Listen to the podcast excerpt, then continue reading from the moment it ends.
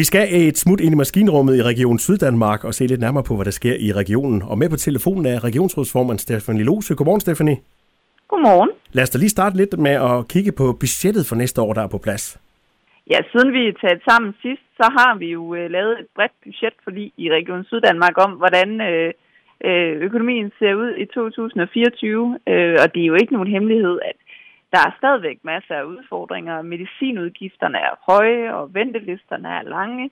Øh, vi har været presset af inflation og eftervirkninger af strejke og pandemi, så, så der er nok af udfordringer. Men især set i det lys, så er jeg faktisk rigtig glad for, at vi lykkes med at lande et budget, som giver ro og forudsigelighed for vores sygehuse, øh, så der ikke er store centrale sparerunder, øh, ud over de øh, besparelser på administration, som, som er, vi er blevet pålagt øh, fra centralt hold. Prisen for at kunne skabe den her ro og stabilitet, det har været, at der ikke er alle mulige nye ting. Øh, det tænker jeg sådan set også, vi lever med. Øh, nu er det ligesom kernen øh, og den løbende daglige drift, øh, vi skal have til at, at fungere, så vi kan få nedbragt de her ventelister. I starten af måneden, der var der øh, en masse interesserede læger, der godt vil være med til at, at drive øh, nattelægevagten videre for Region Syddanmark. Prøv at fortælle om det. Nogle de vil måske jo kunne huske, at regionen selv skal stå for at drive lægevagten om natten, når vi kommer ind i det nye år. Og det er jo sådan en spændende ting for os. Det har vi gjort før. Det plejer at være de praktiserende lægers organisation, der gør det. Øh, derfor så er vi nu selv ved at rekruttere læger og, og danne den øh, organisation, der skal stå for det.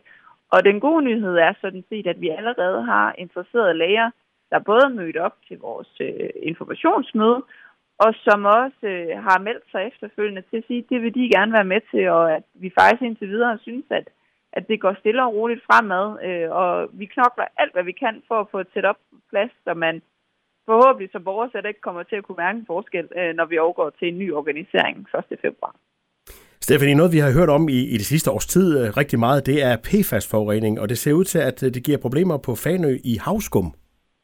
Ja, der har været en undersøgelse af, øh, hvorfor der er blevet fundet PFAS øh, på Fanø. Og nu har vi så fået lavet, det er rådgiverfirmaet NIAS, øh, der har lavet sådan en undersøgelse af, hvor kommer det så fra. Og den undersøgelse, det, den dokumenteres for første gang, at der er en sammenhæng mellem PFAS i havskum, og så risikoen for, at man kan få det ned i, i kystnære drikkevandsforsyninger. Øh, og det er sådan set en, en værdifuld ny viden, at vi nu, øh, at vi nu ligesom også kan se, at det er sådan, det hænger sammen, og at man dermed også øh, kan, kan tage højde for det øh, fremadrettet. Det var lidt om, hvad der sker i Region Syddanmark, og Stefanie, det ser ud til, at det nok er sidste gang, vi laver det her sammen, fordi du fortsætter som næstformand i Venstre, og vil det gerne, og hvis du bliver valgt til det her senere i måneden, så, øh, så indtræder du også i, i regeringen af, af planen, og så er det slut med at være regionsrådsformand. Ja, det ser desværre sådan ud. Øh, man kan jo ikke være flere steder på én gang, og det er ikke nogen hemmelighed. Det er med vemodighed, at øh, jeg senior skulle sige farvel til regionen, som jo har været en del af min, min dagligdag de sidste 18 år og de sidste 8 år som regionsrådsformand.